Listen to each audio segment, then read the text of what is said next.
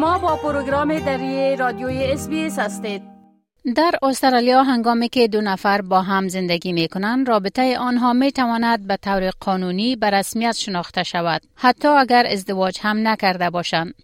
ثبت یک رابطه عملا از ایالت به ایالت دیگر متفاوت است.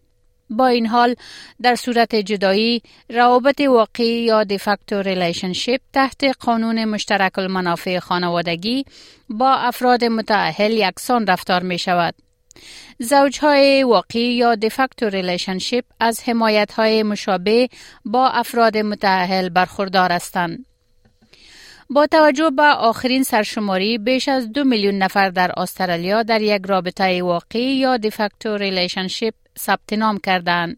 اما دقیقا یک رابطه واقعی یا de facto relationship چیست و چه زمان توسط قانون به رسمیت شناخته می شود؟ تعریف یک رابطه واقعی به طور گسترده در قانون خانواده مشخص شده است و آن را به عنوان دو فرد از جنس یکسان یا مخالف زندگی واقعی با هم توصیف می کند. روند داشتن رابطه شما به عنوان یک رابطه واقعی نظر به ایالت یا قلمروی که شما در آنجا زیست دارید متفاوت می باشد. به عنوان مثال در استرالیای جنوبی روابط واقعی یا de facto relationship تحت قانون روابط خانوادگی ثبت می شود. و پس از اینکه رابطه در یکی از ایالات ثبت شد به طور قانونی در هر نقطه از استرالیا یک رابطه قانونی دانسته می شود. نیکول ایوانز وکیل با تخصص در قانون خانواده در سیدنی برخی از مزایای ثبت نام رابطه واقعی یا de facto relationship را چنین توضیح می دهد. Firstly, it provides an automatic recognition at law that they're in a de facto relationship, so there's no need to have to prove that at first instance. That might assist people who are trying to get visas in the event the partner passes away. It also may affect them from an estate perspective to show that they were in a de facto relationship for medical purposes, for next of kin, if decisions need to be made. خانم ایوانز توضیح می دهد که ثبت یک رابطه واقعی یا دیفکتو ریلیشنشیپ از دیدگاه قانونی والدین به خصوص برای زوجهای همجنس نیز مرتبط است. Particularly for women, the Family Law Act requires for the non-birth mother to be recognised as the other legal parent. It means that both parties have to have been in a de facto relationship at the time of conception of the child. So registering of a de facto relationship provides that automatic legal status. در مورد جدایی برای روابط ثبت نشده و زمانی که یکی از دو شریک در محکمه در تقسیم دارایی ها ادعا می کند مسئله اینکه آیا در بین این دو شخص یک رابطه واقعی وجود دارد یا نه در نظر گرفته می شود. این عوامل شامل مدت رابطه، موقف عمومی آن در اجتماع، هر گونه امور مالی مشترک، حضور یک رابطه جنسی و اینکه آیا این زوج با هم زندگی کرده اند نیز می باشد. با گفته خانم ایوانز میارهایی که محکمه با آن متکی است بستگی به پرونده خاص دارد. و او برخی از تصورات غلط رایج در مورد آنچه که یک رابطه واقعی یا دیفکتو ریلیشنشیپ را تشکیل می دهد تشریح می کند. A lot of people think that you have to be in a relationship for two years to be de facto.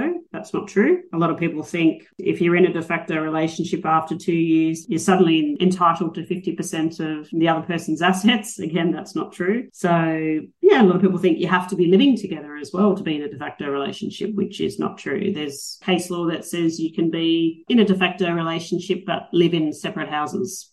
در استرالیا قانونی وجود دارد که موجودیت یک زوج واقعی را تایید می کند.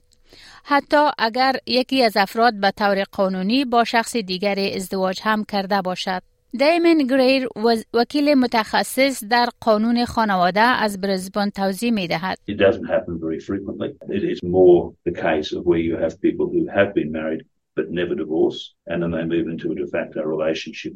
Think about it from this context. You can have a husband, say, who's in a married relationship. That relationship breaks down and no one applies to the court for a divorce. The husband then moves into a, another relationship with someone else and is not married to them, but lives with them for five, six years. He is both married and he's also got a de facto partner at the same time.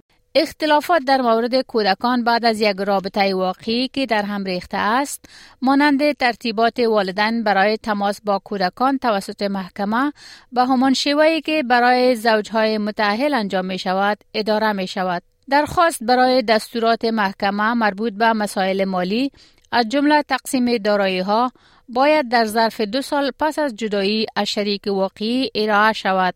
مگر اینکه شرایط خاص اجازه استثنا را دهد. Can seek leave of the court to proceed out of time, but uh, there are other issues that you then have to address.